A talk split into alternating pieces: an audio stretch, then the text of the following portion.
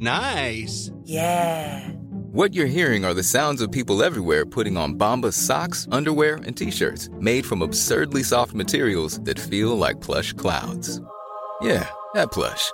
And the best part? For every item you purchase, Bombas donates another to someone facing homelessness. Bombas. Big comfort for everyone. Go to bombas.com slash ACAST and use code ACAST for 20% off your first purchase. That's bombas.com slash ACAST. Code ACAST. Quality sleep is essential. That's why the Sleep Number Smart Bed is designed for your ever-evolving sleep needs. Need a bed that's firmer or softer on either side? Helps you sleep at a comfortable temperature? Sleep Number Smart Beds let you individualize your comfort so you sleep better together. JD Power ranks Sleep Number number 1 in customer satisfaction with mattresses purchased in-store. And now save 40% on the Sleep Number limited edition Smart Bed for a limited time. For JD Power 2023 award information, visit jdpower.com/awards. Only at Sleep Number stores or sleepnumber.com. Okay, I have two new obsessions that I need to share with you. Impress No Glue Press On Manis and Impress Press On Falsies Lashes. Trust me, these are getting ready game changers. Both require no glue, so there is no damage to your natural nails and lashes, no mess, and no annoying dry times. Just one step and you're done. Boom. Instant glam. Visit impressbeauty.com slash presson and use code PRESSON25 at checkout for 25% off Impress Manicure and Press-On Falsies. Didn't I tell you guys it's the most magnificent place in the world and the greatest place to end it all? Goodbye, fellas.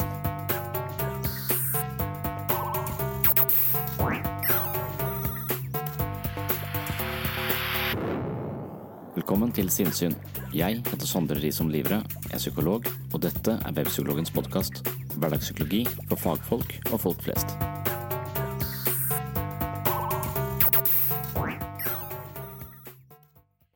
Det er filosofen Albert Camus som stilte følgende spørsmål. Skal jeg ta livet av meg, eller ta en kopp kaffe? Poenget hans er at valg venter oss i enhver situasjon og i ethvert øyeblikk. Vi overveldes av valg hver eneste dag. I senere tid har valgmulighetene våre dessuten økt i takt med velstand og ny teknologi.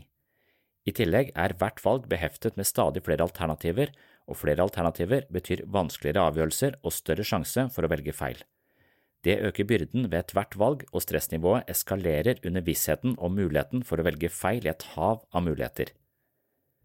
Innenfor områder som livsstil, helse og økonomi har vi hundrevis av muligheter, og de færreste av oss har kompetanse til å ta et velinformert valg på alle disse områdene, noe som selvfølgelig genererer usikkerhet.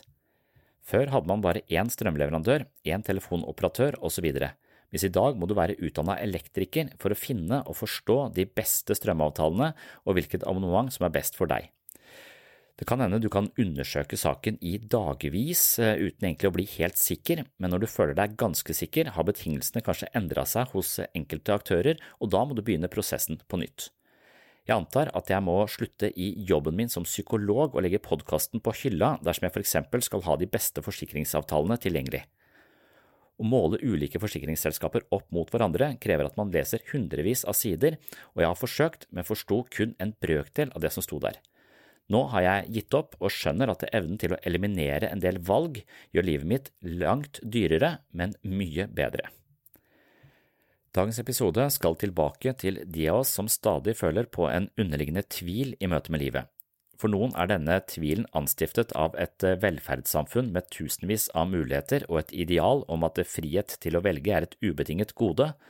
Andre er mer grunnleggende usikre fordi de mangler trygghet og god veiledning når de vokste opp. Noen måtte ta mye ansvar på et altfor tidlig tidspunkt, og disse menneskene klarer seg tilsynelatende bra, men selv føler de seg kronisk usikre og frykter at de blir avslørt som inkompetente når som helst. Vi skal altså tilbake til den typen tvil som gjør at vi opplever livet like skjørt som et korthus og enhver avgjørelse som et gedigent vågestykke som ikke gir en følelse av frihet, men snarere fyller oss med en eksistensiell nervøsitet. Skal jeg ta livet av meg, eller skal jeg ta en kopp kaffe? Velkommen til en ny episode av Sinnssyn. Da var temaet barn som får for mye ansvar på et for tidlig tidspunkt. Nei, noen mennesker er veldig trygge på seg selv og virker ut ifra det veldig kompetente. Og så er det også en del mennesker som virker veldig kompetente, men er veldig usikre på seg selv. Det er litt uh, den dynamikken det handlet om. Så noen barn som får for mye ansvar, noen kaller det for foreldrefisering.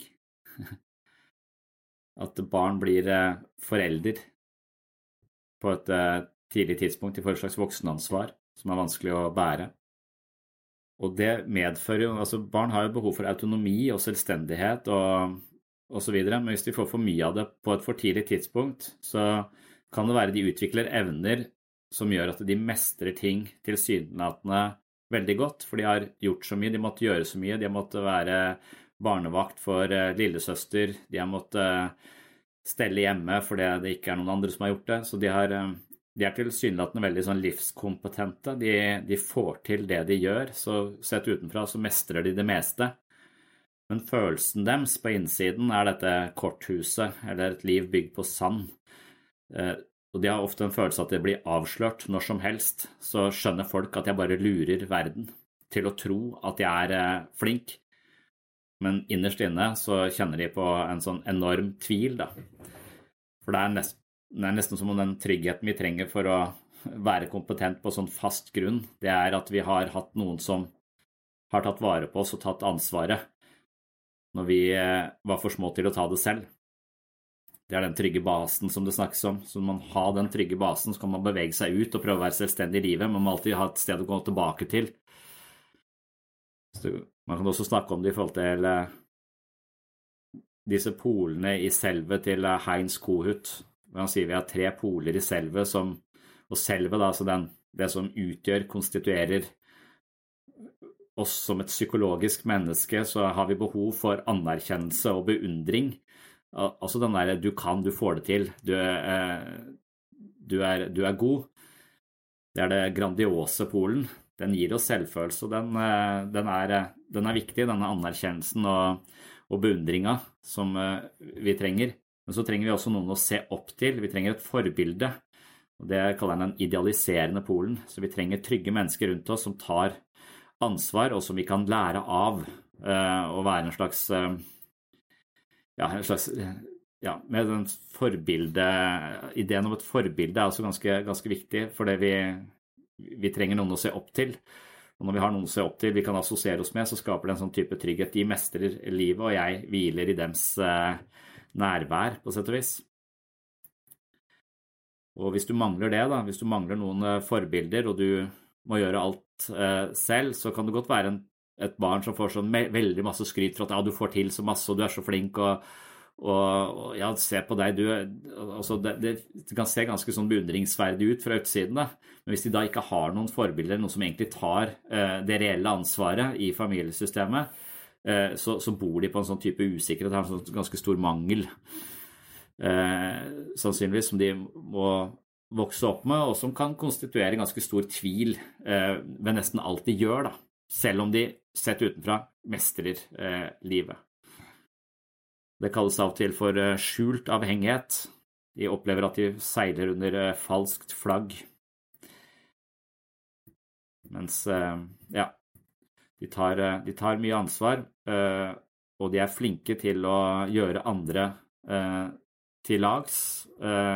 Og dermed så er det mange som hviler seg på de og stoler på de og ber de om hjelp osv. Mens innerst inne så føler de det som en, som en fiasko. Og én ting er de praktiske tingene, Kanskje man har foreldre som må jobbe så mye at de ikke har tid til eh, ting osv. Men en annen ting er jo det å være, være liten og få et slags emosjonelt voksenansvar, som er kanskje enda, enda verre. Og veldig sånn eh, sensitivt. Jeg har på ingen måte hatt det selv, men jeg, husker liksom sånne små episoder i livet hvor hvor det var eh, spesielt når jeg skulle flytte hjemmefra, så tenkte jeg åh, det må være forferdelig for foreldrene mine at jeg skal flytte ut. jeg er jo så viktig. Eh, men så viste det seg at det gikk helt greit. Eh, fordi at, at jeg flytta, og hvis jeg hadde fornemmet at moren min syntes det var vanskelig at jeg skulle flytte ut på et eller annet tidspunkt når jeg selv syntes det var vanskelig å flytte ut, var usikker på åssen det skulle være å være eh, ja, da var det jo til en eller annen militærstasjon hvor de ikke var like hyggelige som uh, moren min er. Eller faren min er, for den saks skyld. Så hvis jeg skulle båret noen andre menneskers følelser av tristhet ved det, at jeg skulle føle at de ikke kunne stå i det, hvis jeg skulle ta ansvar for noen andre menneskers ve og vel på den måten, det hadde vært, det hadde vært helt eh, det, hadde vært, det, tror jeg ikke jeg kunne klart, og jeg trengte aldri å gjøre det, men jeg kunne fornemme hvor tungt det ville være hvis de sa uff, nå blir det trist, det blir vanskelig. Altså hvis, no, hvis jeg skulle ta ansvar for noen andres følelser, i tillegg til mine egne da, så hadde det vært helt, eh, helt umulig. Og, og, akkurat den dynamikken der sånn, hvor foreldre trenger barna sine, og foreldre foreldres humør og velvære er avhengig av barnas oppførsel og hvordan de er. Det, det, å ha den, det ansvaret som barn, det, det tror jeg er ekstremt uh, tungt. Og så ser jeg at jeg gjør det litt med mine egne barn. Jeg kan godt se, For at jeg, jeg har en tendens til å se på mennesker som mer at de kan bære mer ansvar enn de kanskje kan, også barn. Eh, jeg tenker, så, så jeg, vil gjerne, jeg vil gjerne ha et slags demokrati hjemme. Ja, hva syns du om det? Eller hvis jeg har en konflikt med kona mi, så ja, nei, vi kan spørre deg, da. Hva, hva syns du? Eh, og så, og så, ser jeg bare i ansiktet hennes at oi, nå skal jeg ta stilling. Nå skal jeg rangere dere to. Og hvis jeg velger deg, så betyr det at jeg er mer glad i deg enn i deg. Altså, nei, det har ikke noe med det å gjøre. Altså, altså, jeg tenker ikke at det har noe med det å gjøre, men jeg ser den derre eh, lojalitetskonflikten, dilemmaet som, eh, som, oppstår i dette lille barneansiktet som blir bedt om å ta stilling på, på en eller annen måte. At det, så, så, mange Egentlig en sånn stor misforståelse jeg har hatt når det gjelder eh, barneoppdragelse, som jeg har prøvd å korrigere meg selv på, at jeg har trodd at det, det er viktig for barn å få lov til å være med og ta avgjørelser. Så når vi er på tur, så, så kan det liksom sånn Ja, eh, jeg vil ikke gå mer. Ok, vil du gå hjem? Skal vi gå ned til vannet? Vi hadde jo tenkt å gå opp på den toppen. Skal vi gå dit? Skal vi gå dit? Altså, det å gi dem et valg når de er frustrerte, det, det, er ikke, det, er ikke, da demokratiet er på sitt beste. Altså, det er da diktaturet øh, øh, er viktig. Altså, du, kom igjen, nå skal vi gå. Jeg bestemmer altså, Overta det og ta ansvar for hvor vi skal hen, istedenfor å fordele det ut til, til tre andre barn som vil forskjellige ting, eller egentlig ikke vil noen ting, for de er slitne.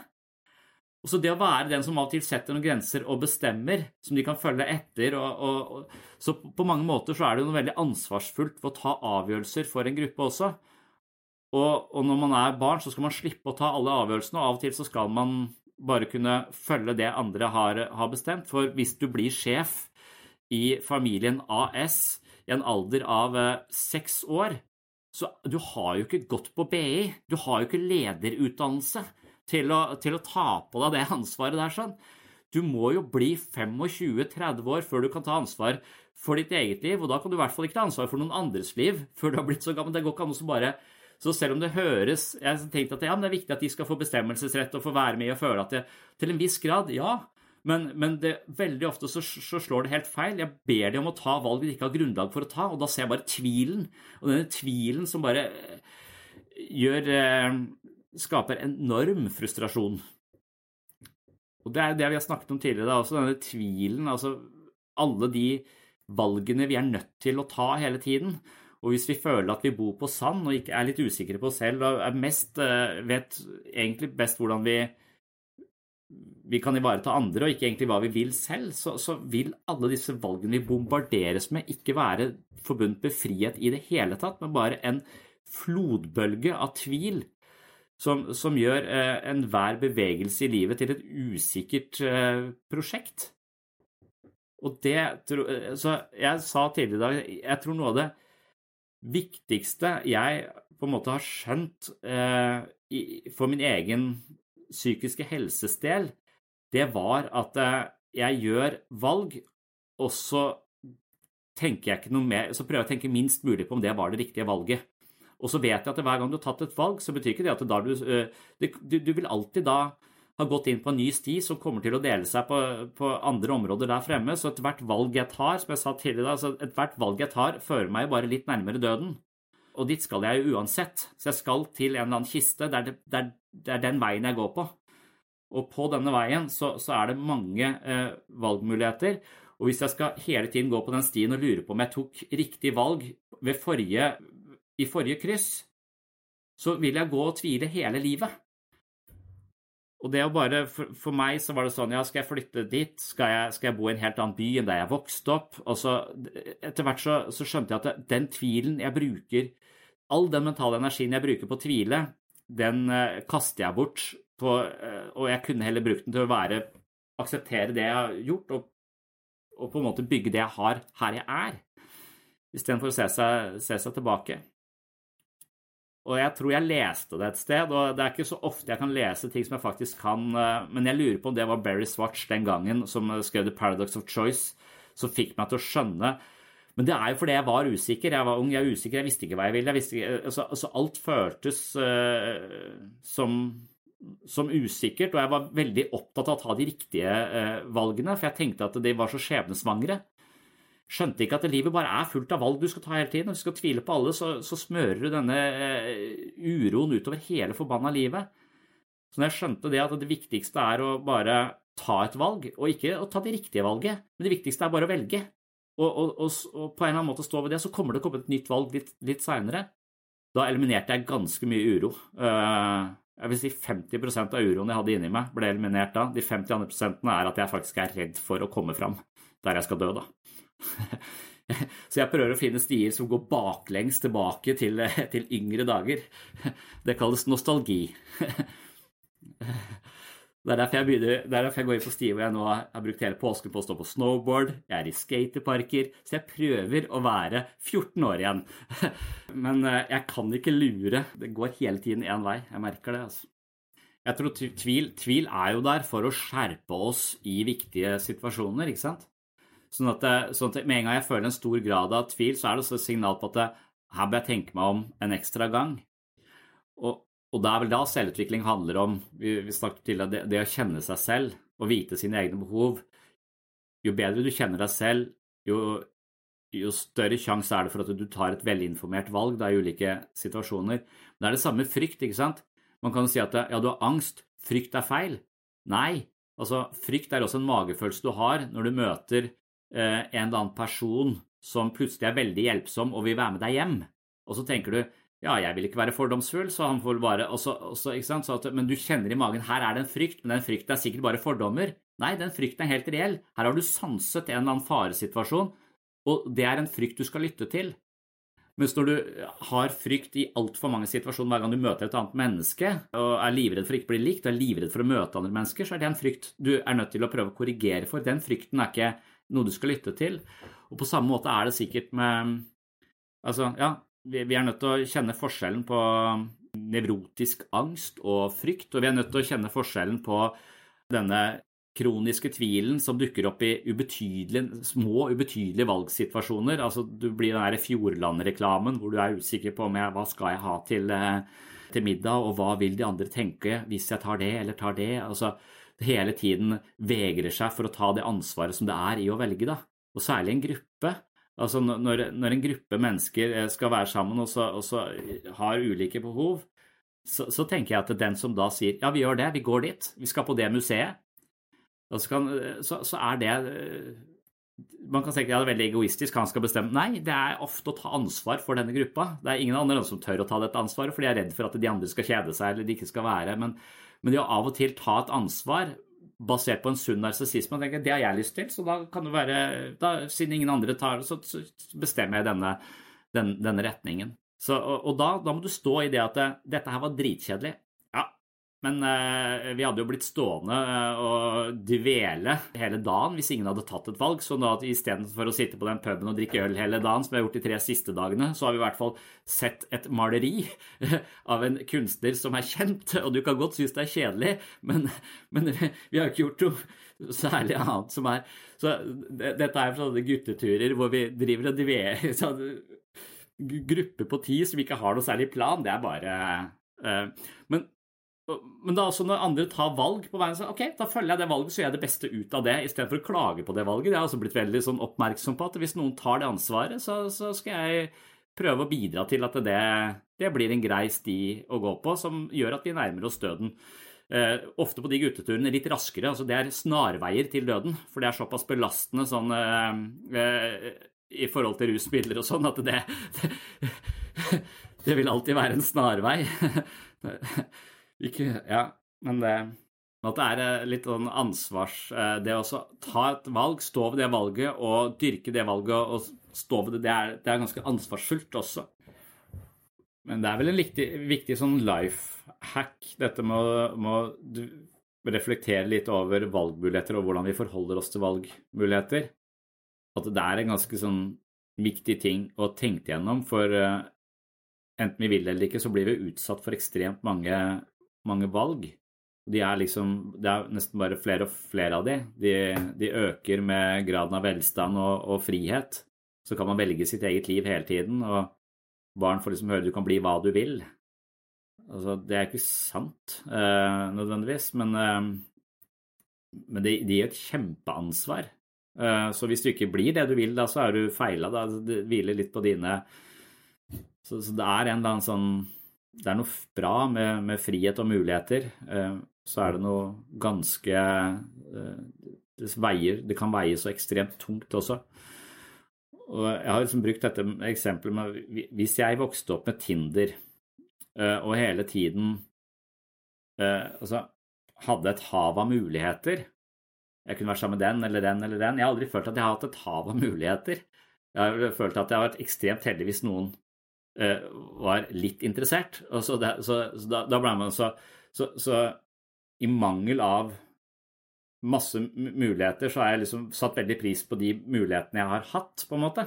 Istedenfor Mens jeg føler jeg har venner som er like gamle som meg, altså godt over 40, og, og fortsetter å ikke velge, men bare teste ut. Altså hundrevis av mennesker som, eh, som For de vet at det, det Hvordan Hvis du har så mange potensielle partnere og har prøvd ut så mange, hvordan skal du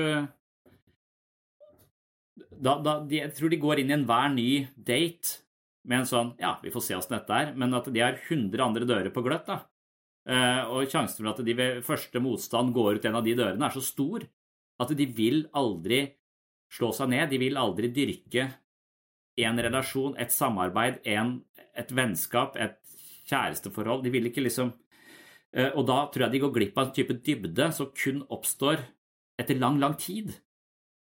Så mulighetene vi har, kan lure oss til å hele tiden eh, eh, ha så mange dører og, og, og, veier på gløtt og springbrett til nye situasjoner at vi aldri egentlig får oppleve den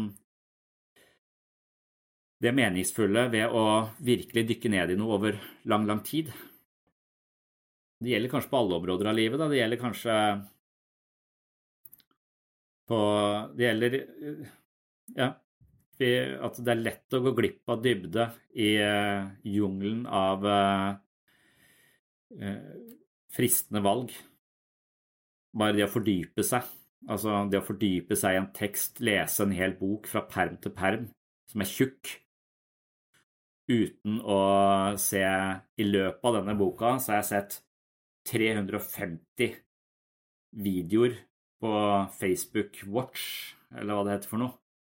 Så, så, denne boka har ingen sammenheng. Den er bare sånn små avsnitt jeg har lest mellom scrollingen. Så eh, hele verket til eh, en eller annen forfatter husker du sånn bruddstykker av, og du husker eh, eventuelt også alle de kattevideoene som dukka opp på annenhver side. Altså, det er, at, vi, at, det er så vanskelig for oss å, å stå ved noe i, i, lang tid, for det, oppmerksomheten vår blir dratt i alle, alle, retninger. Og det å kunne velge noe som er litt mer tilfredsstillende, litt, litt enklere akkurat nå, det er alltid eh, tilgjengelig. Ja, for det er mangel på valg er jo også ganske tungt. Altså, da blir du pressa inn i en eh, jeg, en løype som kanskje overhodet ikke passer deg. Så mange mennesker har levd et liv på en sti hvor de overhodet ikke føler seg hjemme eller bekvemme i det hele tatt. Og, det har ikke vært noen uh, muligheter til å velge annerledes. Så det er jo en annen type problematikk som, uh, som er ganske som, som, har sine symptomer og sitt ubehag. Og så er det denne uh, ekstremt mange veier, eh, veier, å gå. Og hvis man syns det blir overveldende å ta så mange valg, så søker man kanskje mot livssituasjoner med færre valgmuligheter. Da. Og det, det viser seg også i forskning at de som på en måte Altså, folk virker som de blir litt lykkeligere etter hvert som de eh, fjerner en del valgmuligheter ved å forplikte seg til én ting, sånn at de, jo, jo, færre valg du har, jo mindre dveling eh, bruker du energi på, jo mer kan du dyrke det du har. Så det er et eller annet eh, viktig eh, viktig med det, men du, du, kan også gå sånn helt ekstremt. Eh, sånn at det, fordi at det er så mange valg, og du blir så usikker og eksistensielt urolig av det, så velger du å verve deg i en eller annen sånn sekterisk bevegelse hvor det er et helt klart system. Du skal tenke sånn, det er galt, det er riktig. Det er eh, feil, det er ondt, det er godt. ikke sant? Sånn at du, du ender opp som en eller annen fremmedkriger i et eller annet dogmatisk system, da. Fordi at for den derre den oppskriften som du får på veien til eh, den, den, eneste riktige veien gjennom livet, den er så ah, det, Da er det outsourca hele problematikken, da, må, må velge. Digg. Da bare kjører vi på den. Og så sprenger jeg meg sjøl i fillebiter eh, utenfor en eller annen eh, ambassade. det er også en, en kanskje, for, kanskje, det er en risiko ved at, at vi Fordi at mennesker eh, sånn dypest sett egentlig ikke er så gode på valg, da. Det, denne velstanden det er litt nytt for oss å ha så mye frihet og så mange mennesker over fattigdomsgrensa som vi har nå. Det er, så, så, så, ja, det er et luksusproblem, da. Men det er et luksusproblem som gir oss en type eksistensiell uro som, eh, som er ganske omseggripende, egentlig.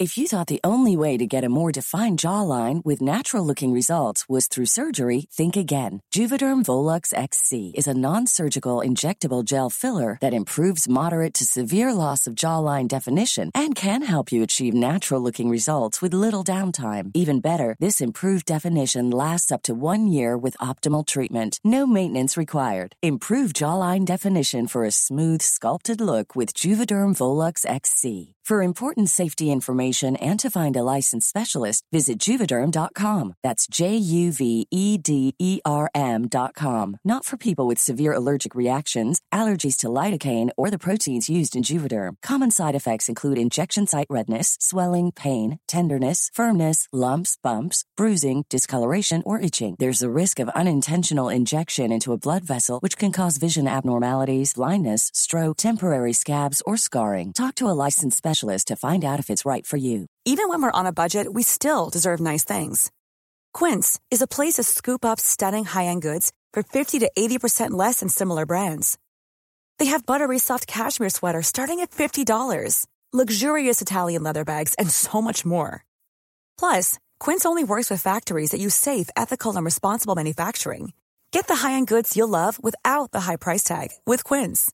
Go to quince.com/style for free shipping and 365 day returns. A lot can happen in the next three years. Like a chatbot may be your new best friend. But what won't change? Needing health insurance. United Healthcare Tri Term Medical Plans are available for these changing times.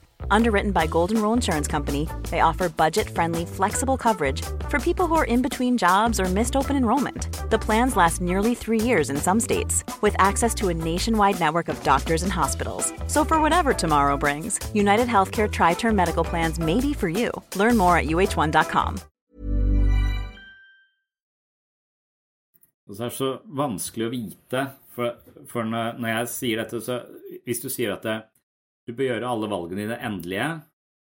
uh, når du gifter deg, så har du av og til det kristne perspektivet i at ja, du er lovet overfor en eller annen høyere makt å holde sammen til døden skiller dere ad, ikke sant? Og så tenker jeg ja, det er noe uh, Det er kanskje en slags eliminering av valgmuligheter i det i den beslutningen du tar der. Og det er noe fint med å late som om det faktisk er en slags lovnad til en høyere makt. Selv om jeg ikke tror på en høyere makt, så kan jeg på en måte Men det er et veldig konservativt perspektiv, da. Det er, det er en øh, og, og, og, Men det har en verdi. Men, men du kan, hvis, du, hvis, du, hvis, du, kjører det som et generelt prinsipp, så vil du også si at ja, du skal holde ut i denne relasjonen med denne psykopaten resten av livet ditt, som trakasserer deg til de grader. Det skal du selvfølgelig ikke, ikke sant? Eh, sånn at og, og, og det, det, kommer i parforhold, men det kommer også ned på sånne små eller sånne nivåer hvor, hvor, hvor, du skal lære opp barna dine i denne cutoffen som vi snakker om her, mellom å stå i noe og um, innse at dette passet ikke. Og for min del så er det liksom fotball med sønnen min. altså Nå har han valgt å melde seg på denne sesongen, men så ser jeg at han ikke trives med det. Han får ikke noe ut av det, og, og han uh, syns det etter hvert er vanskelig, og det er, det er mange faktorer. Og da spør, skal, skal, jeg si ja, da kan du bare slutte på der, så begynner vi på det, og så begynner vi på det, og så begynner vi på det, og så slutter vi der, og slutter vi der, og så kan vi bare shoppe rundt, sånn at du aldri egentlig blir god på noe. Eller skal, skal, vi nå si at ja, men nå må du holde ut fram til sesongen er ferdig, for da har du valgt dette. Jeg føler en slags ansvar for å av og til tvinge de til å være standhaftige i det de har valgt, fram til i hvert fall det, for så kan vi evaluere om dette. Jeg skal ikke tvinge han til å være en fotballspiller fordi jeg syns fotball er en fin lagidrett, altså, men, men, jeg, men, jeg, skal heller ikke, heller ikke, legge opp til at det, ja, men vi kan bare velge det bort, vi kan gjøre ditt, vi kan gjøre det altså, at, at, at, vi får en slags idé om at alt som ikke er gøy der og da, det kan vi ta eh, For, for av til så tenker jeg ja, det er fordi du har fått et nytt spill på iPaden, så du vil heller spille det enn å gå på fotball akkurat i dag. Det, det, er, det, det, er, så enkelt som det. Og, og, da syns jeg vi, vi, har et slags ansvar for å lære dem at det, det, å forplikte seg, det krever at vi kommer. Du har et lag, det er noen som forventer noe av deg. Og så at det også er en læring eh, i det. Men, men så, så, så, skal man ikke liksom kjøre den helt eh, ut heller. Altså si at ja, du skal være på det fotballaget, og så, og så, er det en slags drenering av selvtillit og selvfølelse fordi man ikke får det til. Og jeg ble tvunget til å spille fotball i hele oppveksten og følte meg totalt udugelig. Eh, og det har gjort meg så, så, det er denne cutoffen der hele tiden. Ja, både små og store sånne avgjørelser. Hvor lenge skal vi stå i noe?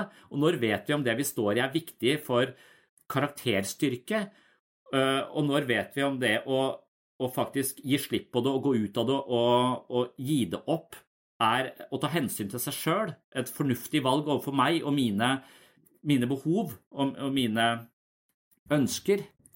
Og tilbake til det vi begynte å snakke om da, så denne jeg tror graden av tvil vi, vi har i oss selv, det handler jo om hvor trygg plattform vi har med oss fra alle erfaringene fra vi begynte i denne verden, nesten sagt. Og, og der er det dette med at jeg, jeg tenker at jeg, den idealiserende polen hvis den er veik, altså at ikke jeg kan ha noen føringer, og at, den, at min tvil på om fotball er riktig eller ikke riktig for han, synes i meg, så har han ikke noe, han har ikke noe veileder som er trygg på, på, hvor vi skal gå.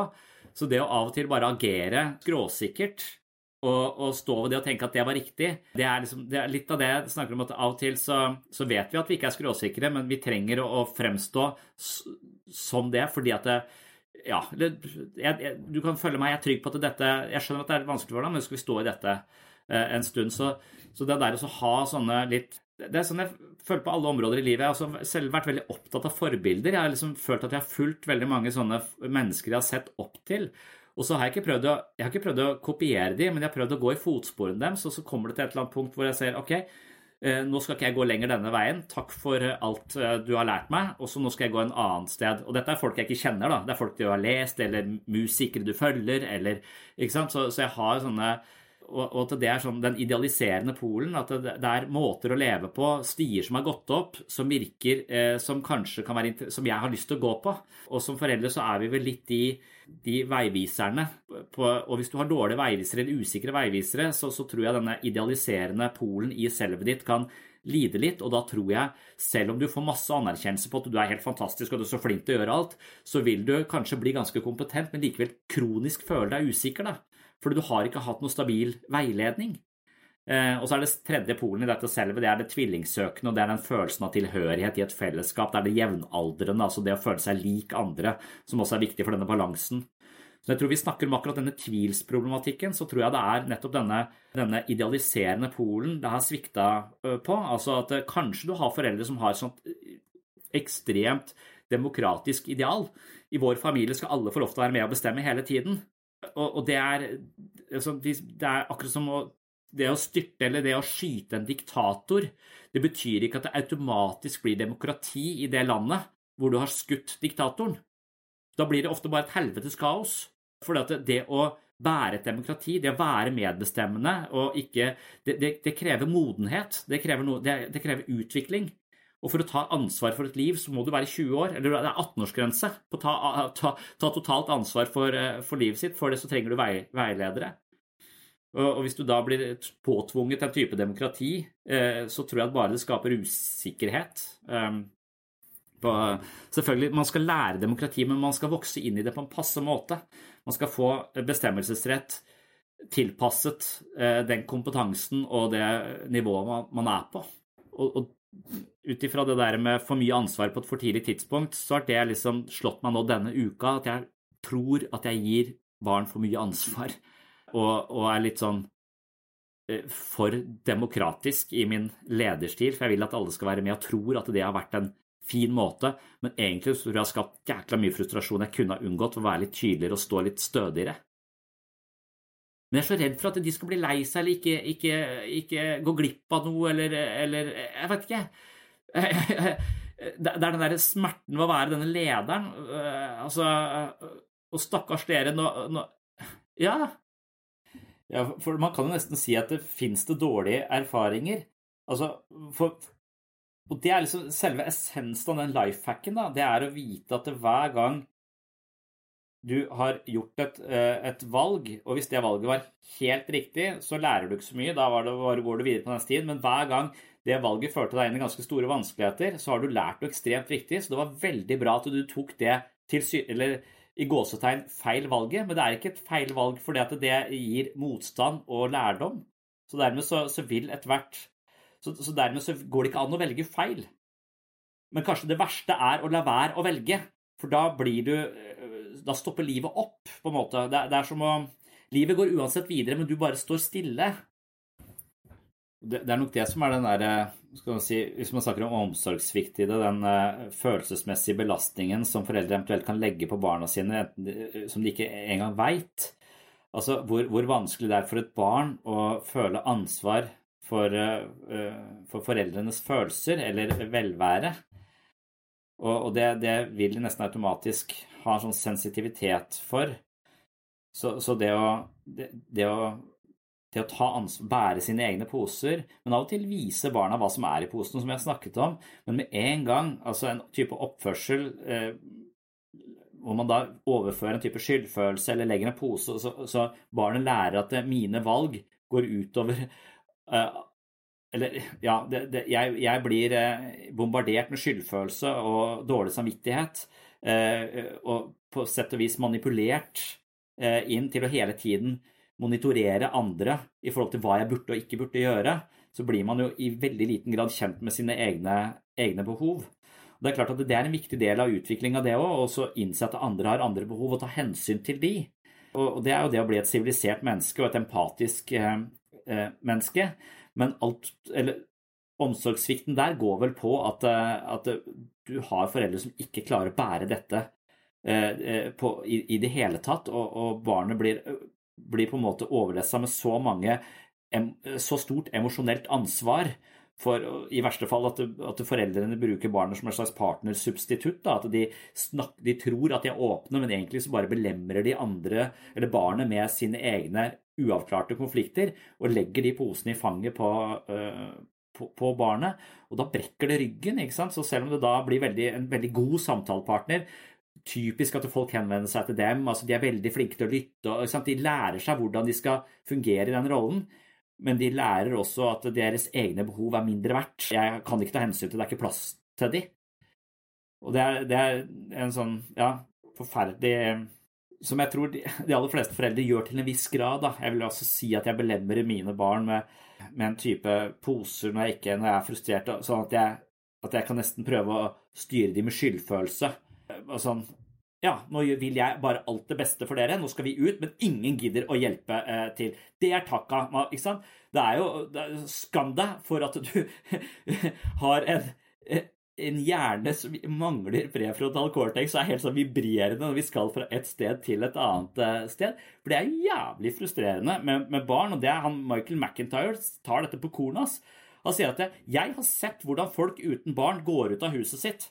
De sier 'skal vi gå ut'? Ja, og så går de ut. Når vi skal ut av huset, så er det halvannen time med, med noen ligger på gulvet og åler seg, og, og, og Ingen finner skoa sine, ingen finner eh, klærne sine. Og når jeg først har fått på en et klær, så har de plutselig kledd av seg når den andre mann er kledd på. ikke sant? Så det å komme seg ut det er faen meg vanskelig. Jeg mener det er lettere for meg å bestige Mount Everest på henda enn det er å komme seg ut fra huset eh, eh, innimellom.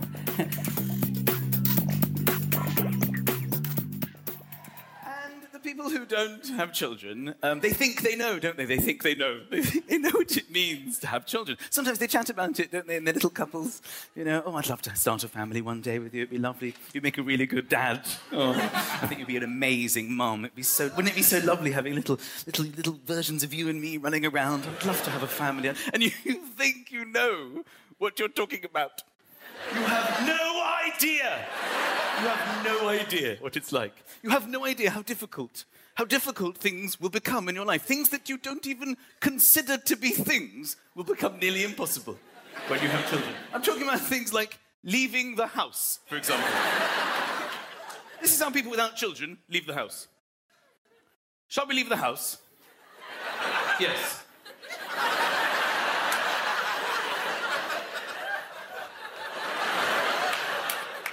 This is how I leave the house almost every day. Lucas, Oscar, come downstairs. We're late. Why aren't you downstairs? Put your shoes on. I don't know where my shoes are.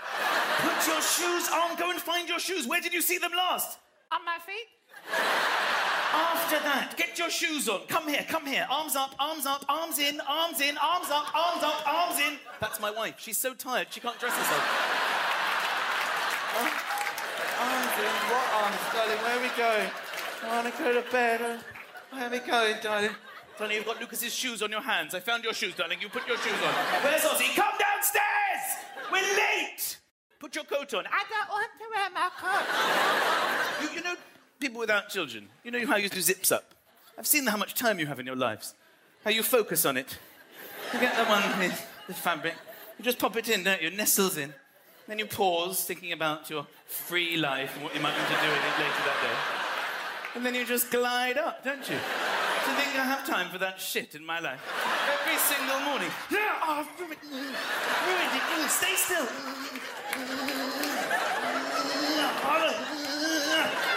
You're gonna have to put another coat on. I can't. I've ruined this zip. I've ruined this zip. I'm sorry. I've made the situation worse. Ozzy! My three-year-old will never come downstairs.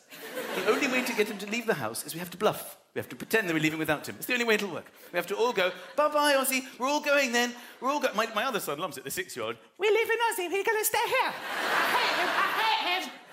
Don't be so rude about your brother. Say goodbye. We're not really leaving. We're pretending to leave, okay? Say goodbye. Bye bye. Bye bye, Ozzy. Bye bye. But he doesn't care. He just goes, bye bye. Then we have to come back in and explain to him, we're not really leaving, darling. We love you. It's okay. I'll buy you something if you come. Will you come if I buy you something? This is every single time we leave the house. The other day, we're leaving the house, and I just had enough. I just said to my wife, I'm sorry, I can't do this. We're bluffing. We're saying bye bye to him. Then my wife says, Let's go and get him. I'm like, Stop, no, I've had it. No, stop. I cannot go through this every single time we leave the house. it's driving me insane. Okay? I say, we, I say we call his bluff. I think he has to learn a lesson. Okay?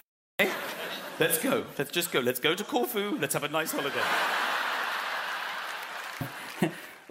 Og i den type situasjoner så er det litt lett å gi dem en type sånn ansvar for, for noe og belemre dem med en type skyldfølelse.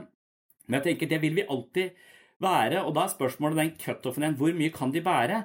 For på, det er noe som heter sone for nærmeste utvikling også. Så jeg har jo en slags idé om at langsomt som de vokser, så vil de kunne ta ansvar for flere følelser. Og av og til så må jeg gi dem noen vekter som er tyngre enn de egentlig helt klarer å bære. Akkurat som jeg på et helsestudio bør legge på av og til ved å ta noen treningsøkter med vekter jeg egentlig syns er for tunge. Som nesten ikke klarer å, å, å rikke, men idet jeg akkurat klarte det, så er det en slags sånn, eh, sånn seier eller en slags anerkjennelse Nei, dette var for tungt. Det må, det må, det må av igjen.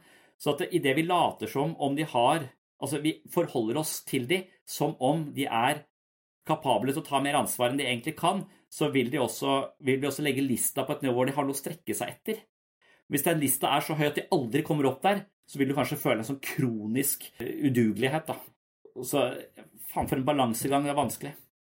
Nei, Helt enig, og det er den beefen jeg har med sånne eh, oppdragelsesbøker, som jeg jo selv eier 250 av.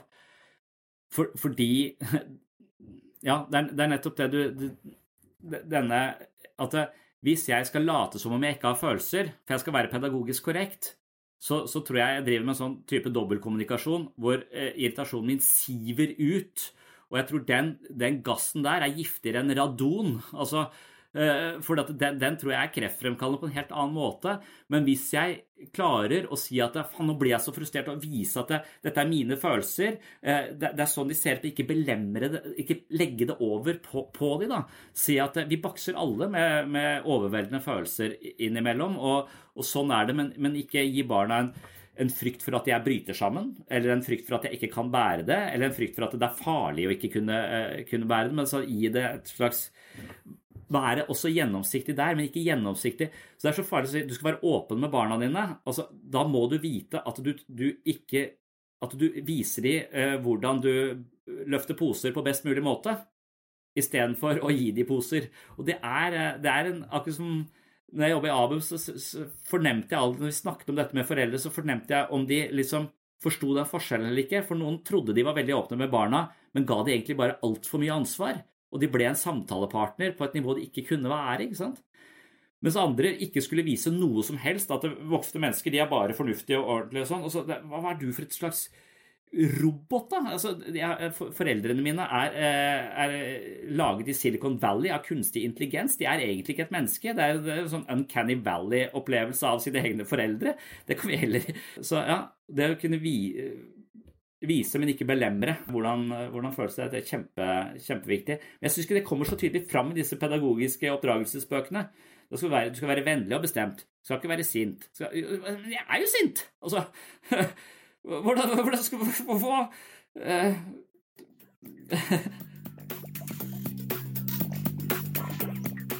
And we, you know, we uh, my generation, we don't have the books. Like, you know, we don't have, where did all the books, all the parenting books, because they all say different things. There's no book on parenting, right? There's no one way to do it right. It's like the people in the 70s just burned all the parenting books at a disco and left us hanging. And so we're just experimenting on these kids. My whole generation, we're just experimenting. I tell kids all the time, I'm like, you know, your parents, we don't know what we're doing. We're just trying stuff out on you. Remember last time you were in a timeout? You're like, this isn't fair. Probably wasn't. We don't know what we're doing.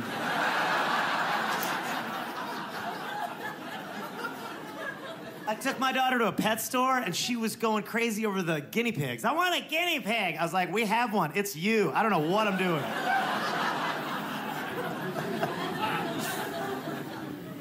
so I just want to do it right. I want to be a good parent, but it's hard, right? It's really difficult. My son has started swearing, not swear words because we don't use them in the house.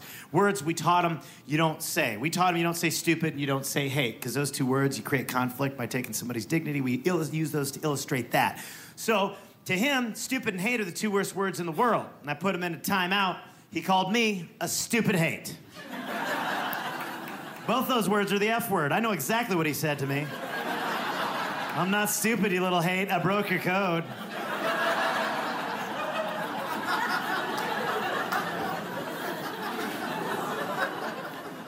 Two days before I came here, he called me a stupider. He added ER to stupid.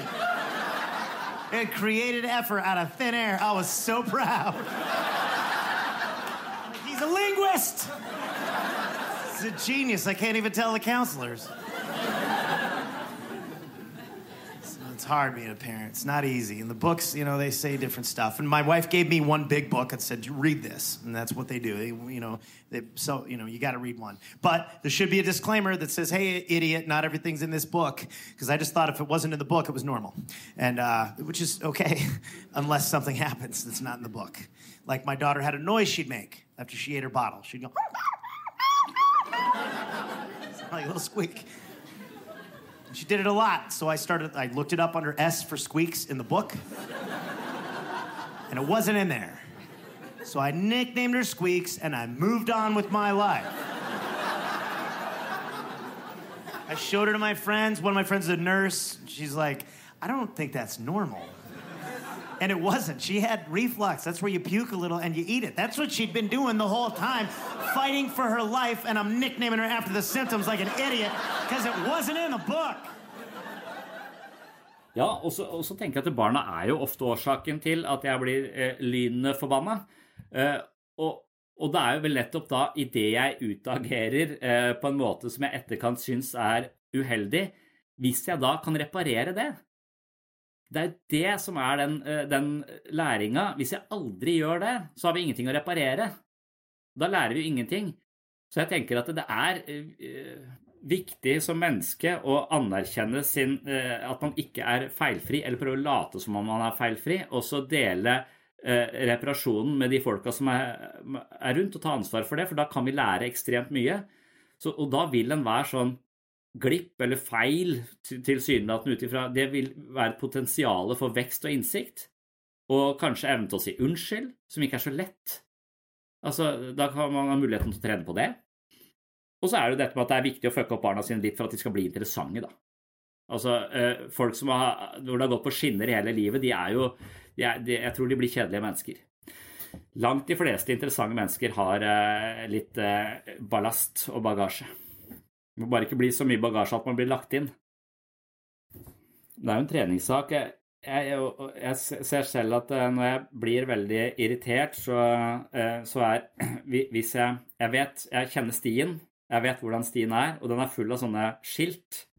Og de, på de skiltene så står det 'Fare for sarkasme, her bør du snu'. for jeg begynner aldri veldig uh, forbanna, jeg begynner sarkastisk. Uh, og da veit jeg hvor det ender. uh, så, jeg prøver å undertrykke dette sinnet, og da kommer det til uttrykk som sarkasme.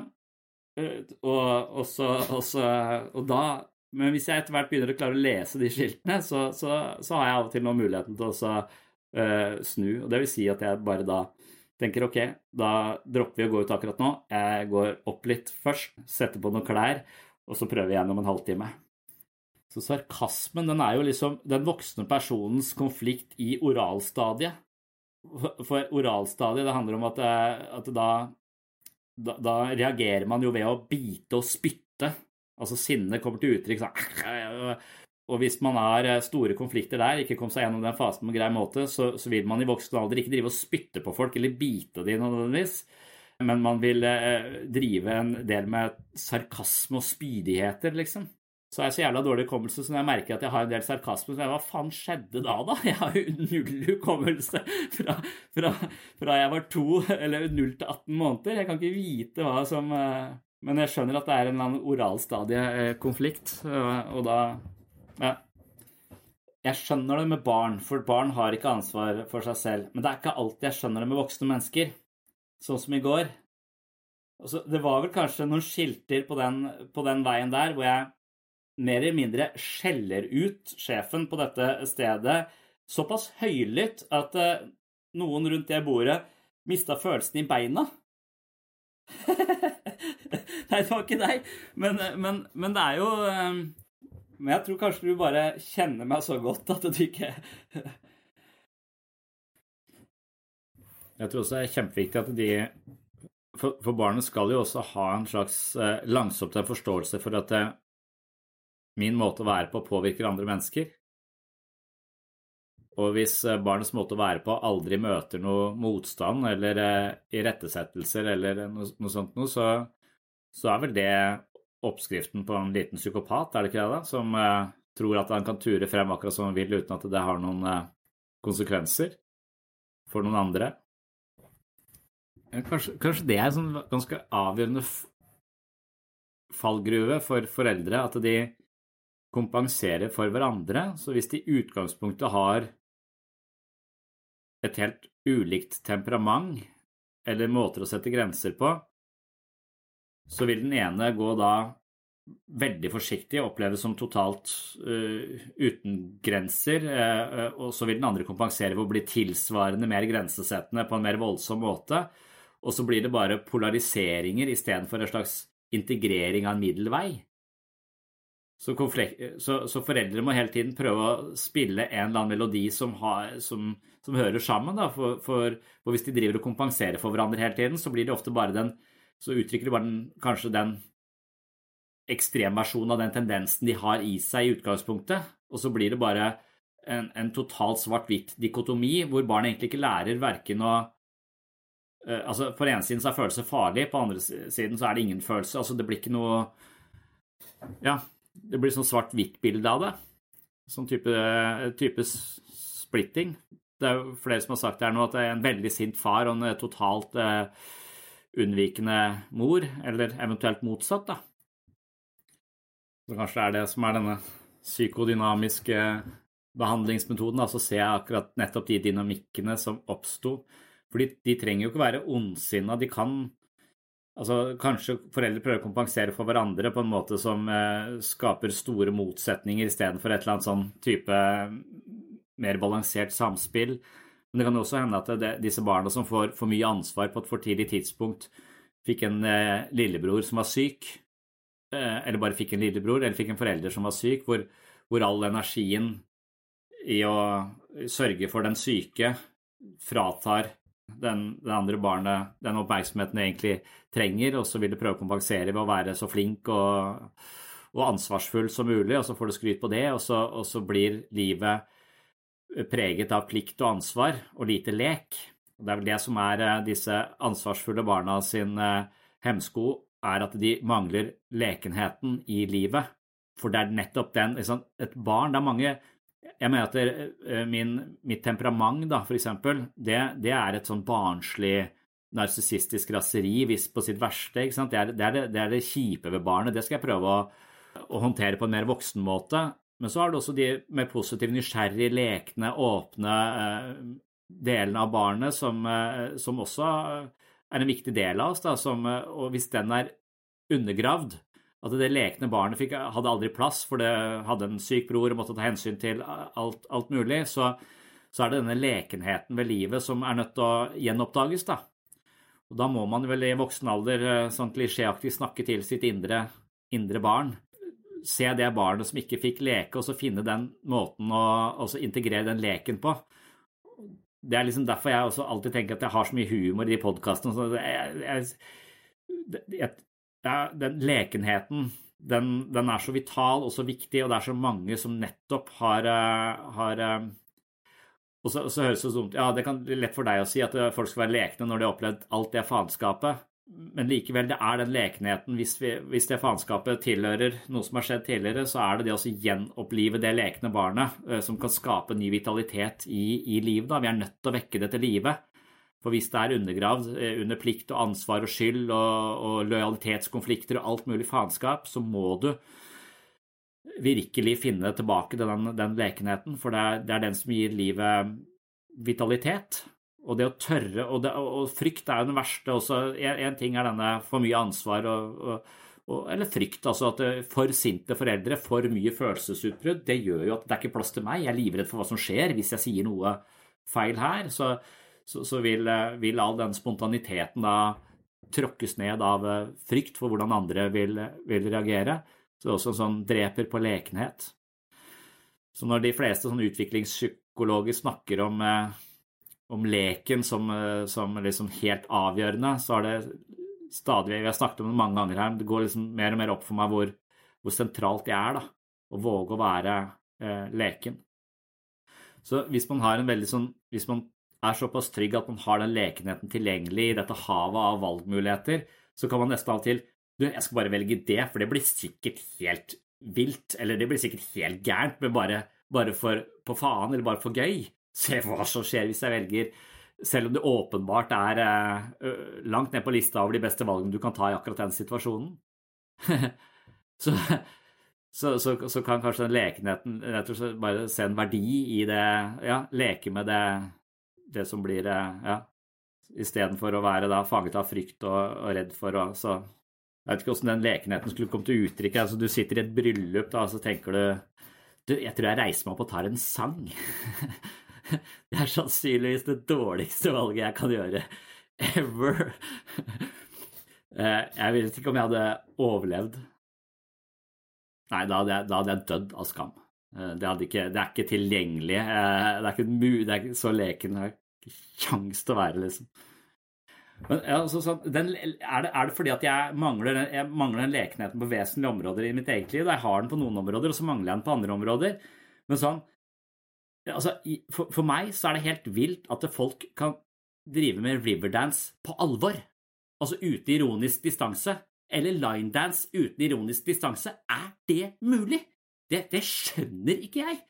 Altså, hvis jeg på, på fullt alvor skal melde meg på linedance det, da har jeg høy promille, altså. Og eh, det er, må gjøres med en ironisk distanse. Jeg kan ikke forstå at det gjøres på alvor. Eller er det bare er, er, Det gjøres ikke på alvor. Altså se nå skal jeg gjøre de teiteste bevegelsene som fins. Eh, etter den teiteste musikken som fins. Gjør folk det?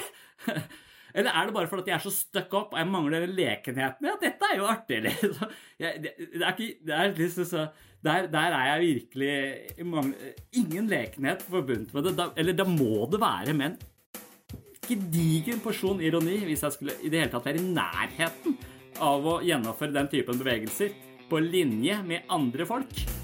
Ja, nei, jeg, jeg, tror, jeg tror, kanskje der, det der jeg mangler lekenhet selv, er på sånn kroppslige ting, liksom. Jeg, jeg, kan liksom si mange ting. Jeg kan være leken med tanker og ideer, men jeg kan ikke helt være leken med, med bevegelser og kropp. Altså, jeg, kan ikke, jeg, kan ikke, danse med overbevisning. Altså, det så, så, så, kanskje det finnes altså, Da må jeg begynne å tenke på hvor faen kommer de konfliktene fra? da? Hva er det for noe? Altså, det er en eller annen sånn Ja. Men jeg eksponeres jo for det nå ukentlig, da. Sånne rare bevegelser eh, med kroppen på ramme alvor.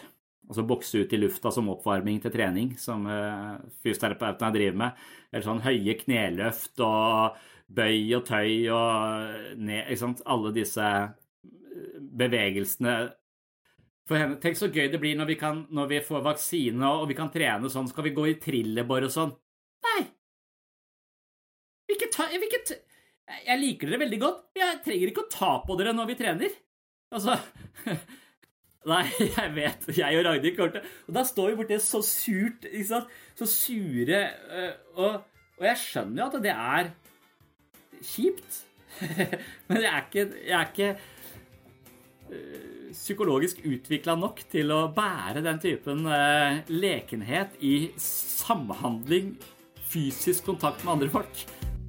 Takk for at du hørte på Sinnsyn. Det var nok en episode om valgets kvaler og hva som kan lure seg i et uh, usikkert uh, sinnelag.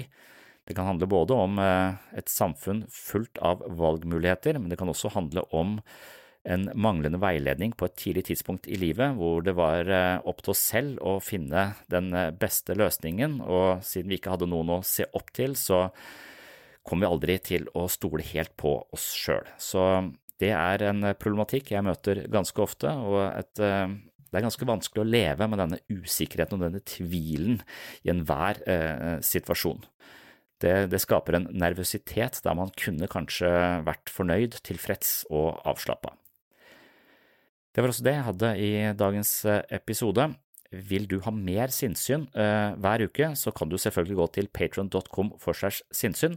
Det har jeg mast om mange ganger. Der inne har jeg nå lest ferdig Selvfølelsens psykologi, så du kan altså få Selvfølelsens psykologi som lydbok.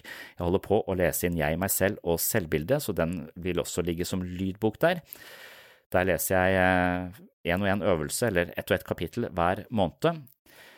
I tillegg så er det godt over 50 episoder av Sinnsyn som kun ligger der inne på Patron. Det er masse andre mentale øvelser og en del videomateriale som heller ikke er publisert andre steder. Så hvis du finner verdi her på Sinnsyn og har lyst til å støtte prosjektet, og i tillegg har lyst til det å ha et medlemskap på dette mentale treningsstudioet, så er altså patron.com for seg sinnsyn stedet å gå. Og så vil jeg benytte anledningen som vanlig til å takke alle dere som allerede er Patron-supportere. Det er på grunn av eh, den eh, støtten jeg får fra Patron at jeg nå har muligheten til å prioritere dette prosjektet hver eneste mm, uke. Det betyr også at det ofte kommer to episoder på den åpne podkasten hver uke, og det er rett og slett fordi at nå har jeg fått muligheten til å trappe litt ned på andre ting, sånn at jeg kan prioritere dette prosjektet her mye høyere. Så tusen hjertelig takk til dere som støtter prosjektet via patron.com for segs sinnssyn.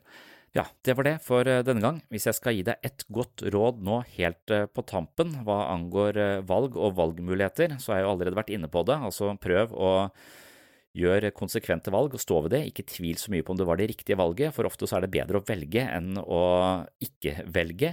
Og det å finne det riktige valget hele tiden, det kan gjøre livet til en lang, kjedsommelig undersøkelse av ulike muligheter som bare anstifter mer og mer tvil. Så det å bare velge noe og sette pris på det, det er en smart life hack. Og når det kommer til det valget jeg innledet med, så har jeg også et ganske konkret råd. Ta heller en kopp kaffe enn å ta livet av deg. Det ville jeg sagt til Camille også, men han er jo død, så ja. Ok, det var det for denne gang. På gjenhør i neste episode. Tjallabais! Oh, I'm just losing my mind, that's all.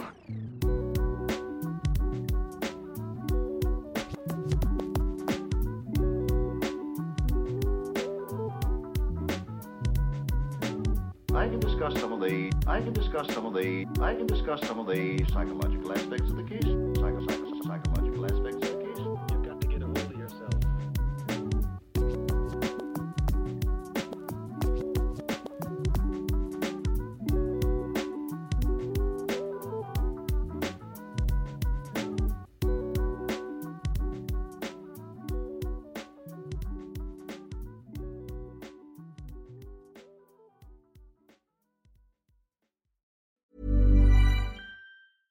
Normally, being a little extra might be a bit much, but not when it comes to healthcare. That's why United Healthcare's Health Protector Guard fixed indemnity insurance plans, underwritten by Golden Rule Insurance Company, supplement your primary plan so you manage out of pocket costs. Learn more at uh1.com. Even when we're on a budget, we still deserve nice things. Quince is a place to scoop up stunning high end goods for 50 to 80% less than similar brands. They have buttery soft cashmere sweaters starting at $50 luxurious Italian leather bags, and so much more. Plus, Quince only works with factories that use safe, ethical, and responsible manufacturing. Get the high-end goods you'll love without the high price tag with Quince. Go to quince.com/style for free shipping and 365-day returns. Mom deserves the best, and there's no better place to shop for Mother's Day than Whole Foods Market. They're your destination for unbeatable savings, from premium gifts to show-stopping flowers and irresistible desserts. Start by saving 33% with Prime on all body care and candles. Then get a 15-stem bunch of tulips for just $9.99 each with Prime. Round out Mom's menu with festive rosé, irresistible berry chantilly cake, and more special treats. Come celebrate Mother's Day at Whole Foods Market.